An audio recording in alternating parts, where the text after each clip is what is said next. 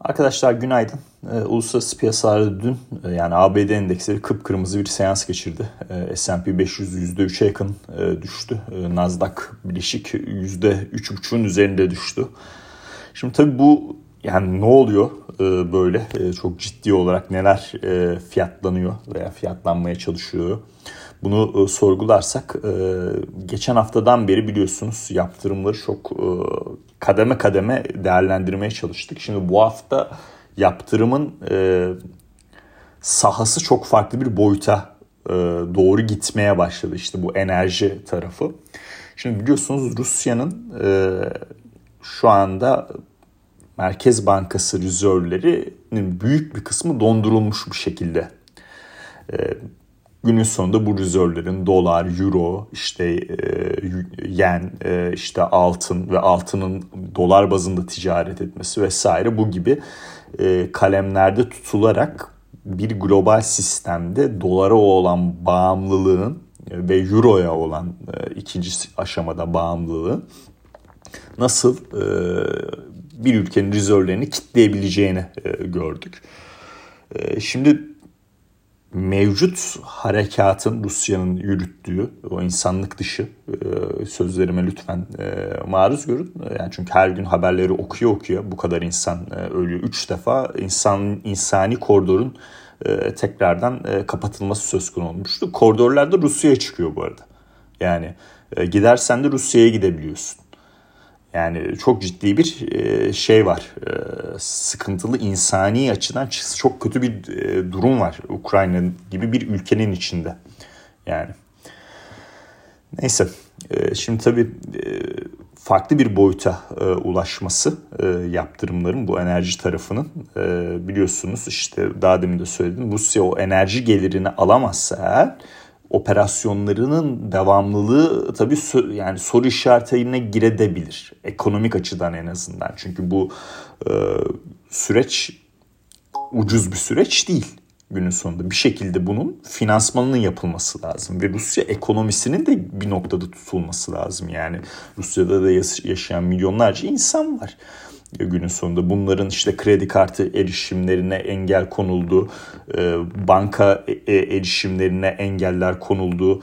Yani hayatın içinde problemler yaratabilecek şeyler söz konusu. Dolayısıyla bu sadece Merkez Bankası'nın faiz arttırarak için, işin içinden çıkabileceği bir e, işte tırnak içinde finansal yaptırımından daha çok enerji tarafına olay daha ciddi olarak e, eskele olursa öyle söyleyeyim enerji yaptırımları eskele etmek demek olur çünkü e, konuyu e, artık gerçekten e, biz bir ekonomiyi e, tamamen paramparça haline getireceğiz noktasında bir e, yapıda olur. Bu da e, Rusya'da sert, çok sert tepki alır. Yani olay oradan da eskele olur.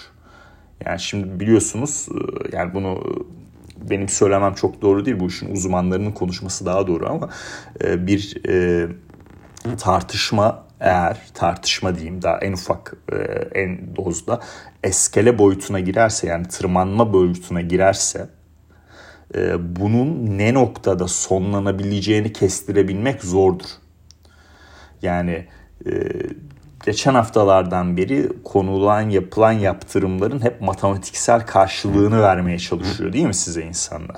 Ama enerji boyutundan sonrası yani siz bütün vanaları kapadığınızda örnek benim vanadan kasıt enerji ticareti değil yani bir ülkenin e, ciro kaynaklarını kapadığınızda artık ondan sonra işin gidebileceği boyut keza bu ülkede eğer yani nükleer bir silaha da sahipse e, ve e, diğer tarafta işte e, Batı dünyasının zaman zaman soru işaretleriyle baktığı ülkelerle de yakınsa işte Çin olur biliyorsunuz Tayvan'la ilgili e, Çin'in de açıklamaları var.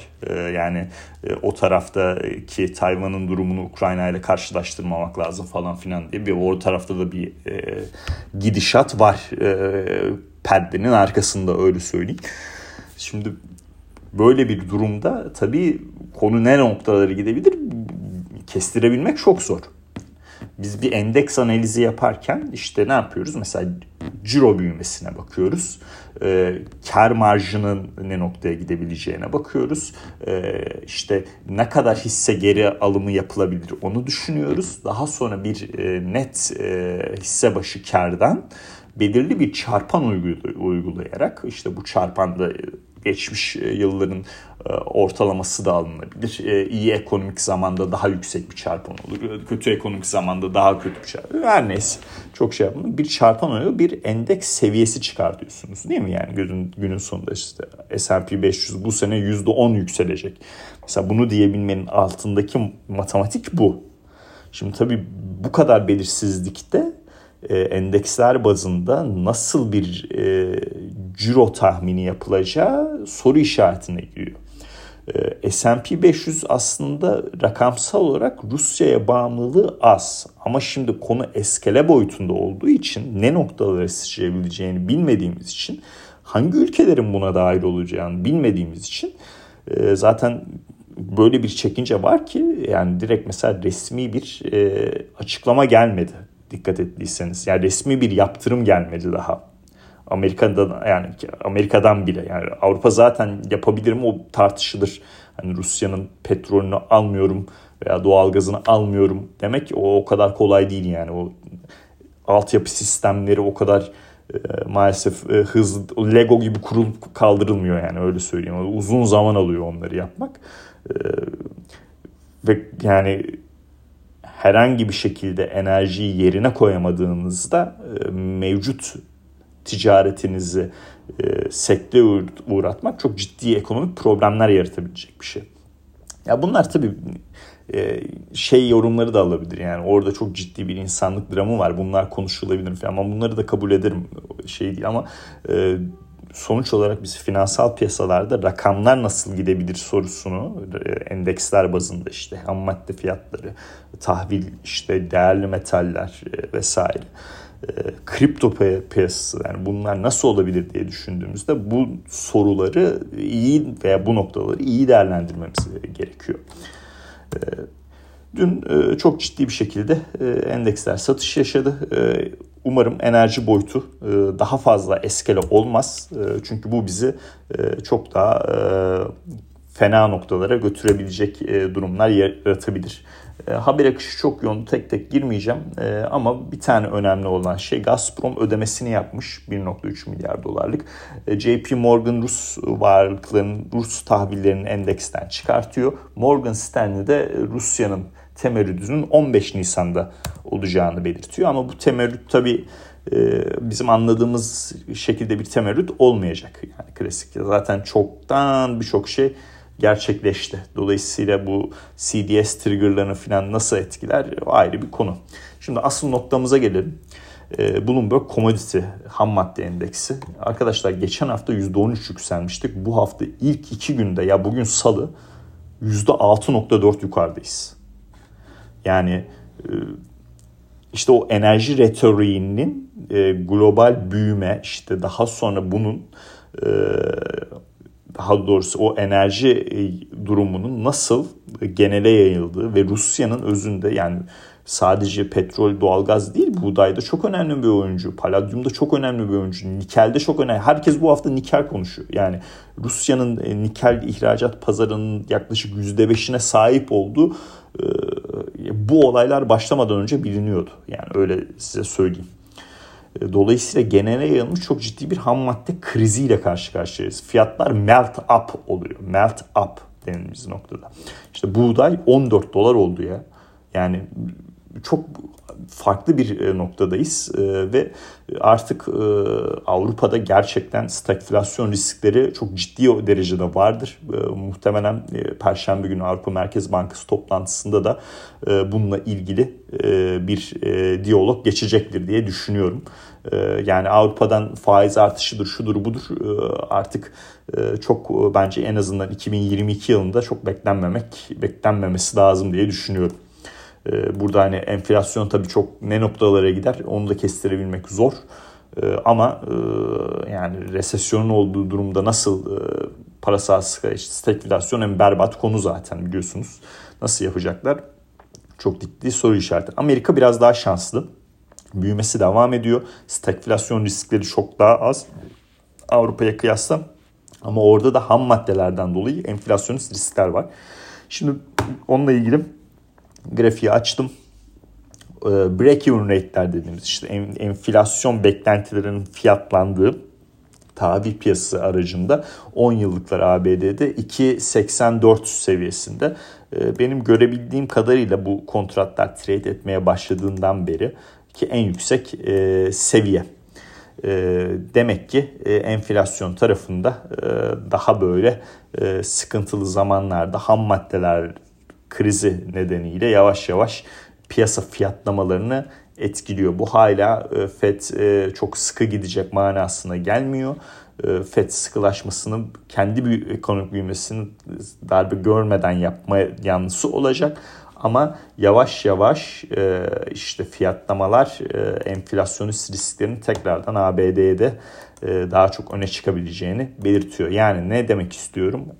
Rusya ile Batı dünyasındaki o enerji yaptırımlarının olası etkileri Avrupa tarafında stagflasyonist riskler, ABD tarafında daha çok enflasyonist riskler olarak piyasa fiyatlamalarına dönebilir. Bu şekilde takip edebilirsiniz.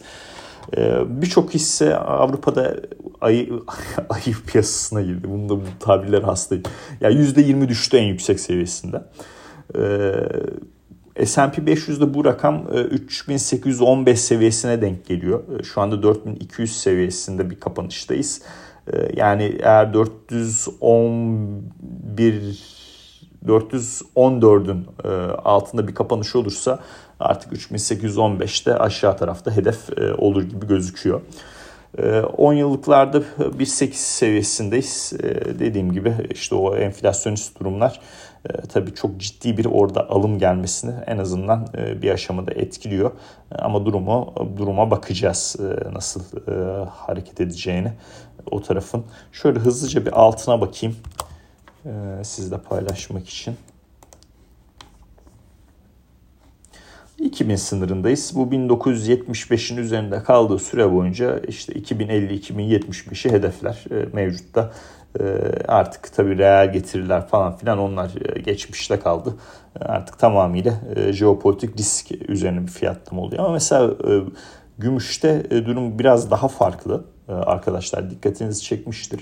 ETF'lerde de yani geçen hafta gümüşte çıkış gerçekleşmiş pozisyonlanmalarda da artık %100 seviyesine yaklaştı. Dolayısıyla belki gümüşün e, daha kötü bir perform ettiği e, zaman aralığında bulunuyor olabiliriz. E, orada da işte belki şurada gümüş teknik grafiğimi açayım hızlıca.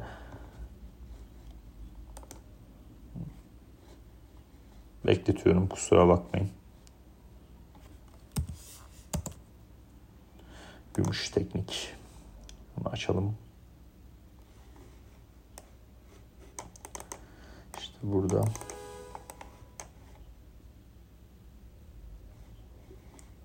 Yani 25-74'ün aşağısına geçerse bugün e, satışlar daha da hızlanır. E, diğer türlü burada da e, bir miktar daha yukarı hareket devam edecektir diye düşünüyorum. Ama mevcut pozisyonları likidasyon olarak düşünebilirsiniz. 25-74'ün ee, altında hızlanacağını düşünüyorum satışların. Son olarak Bitcoin ile kapatalım.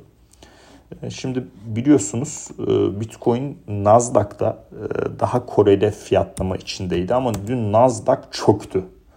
Yani %4'e yakın düştü. Ee, bu demek değildir ki hisse oradaki ya orada birçok iyi hisse var ee, ve uzun vadede çok iyi getiriler sunacak. Ee, ona inancım tam ama burada Bitcoin'deki güçlü duruş daha çok dikkatimi çekiyor. Yani 38 binin üzerinde kaldık. Burada bir çöküş olmadı. Yani dün Nasdaq'taki öyle bir hareket sonrası ben en azından bir 33 binlere doğru gideriz herhalde diye düşünüyordum. Öyle olmadı. Bu olumlu bir e, tablo. E, açıkçası bunu da bu şekilde düşünmek lazım. Herhalde bu dolar ve euro bağımlılığı globalde farklı ödeme sistemlerini de e, öne çıkartacağından ötürü e, bu tarafa e, daha çok e, e ödeme e, kanalı e, vurgusu altında herhalde o tema altında talebi arttırıyor diye düşünüyorum. Bugün ekonomik verilerde ABD tarafında çok önemli bir şey yok. Avrupa tarafında var aslında e, ama girmeyeceğim bunları çünkü Avrupa'nın şu anda en büyük sorunu Rusya-Ukrayna krizinin ve enerji tarafındaki durumların nasıl çözüleceği. E, bu sorular çok daha önemli. Yani yüzdesi aldığı enerji doğalgazın yüzde seksenini farklı taraflarda çeşitlendirmek istiyor Avrupa Rusya'dan aldığı. Yani teknik olarak bu nasıl olabilir? Yani benim baktığım, yaptığım araştırmada buna cevabım yok. Yani çok böyle e, idealist konuşuyorlar e, genelde e, politika yapıcılar. Ama bunun realiteye dönmesi e, yani bir doğalgaz hattı yani yapılması bayağı uzun zaman alıyor veya LNG tesislerinin bile yapılması uzun zaman alıyor. Yani o bir tane e, işte kıyıya bir tane işte tahta atıp olmuyor yani. Bu ciddi zaman alan konular. E, dolayısıyla e, benim bu krizde en şanslı olarak gördüğüm şey ABD'deki kaya petrolü ve kaya gazı üreticileri. Yani onun dışında her nokta bence soru işareti içeriyor. İran anlaşması da soru işareti içeriyor. Venezuela durumu da soru işareti. Bunların hiçbiri dan deal değil. Ee, bu, ama bu e, retorikin böyle eskele olması e, global e, tarafta işte Avrupa'da stagflasyon risklerini arttırıyor. Avrupa'da enflasyon şey Avrupa'da stagflasyon risklerini arttırıyor. ABD'de enflasyon durumunu daha fazla kötü hale gitmesine sebep olacak noktaya götürüyor.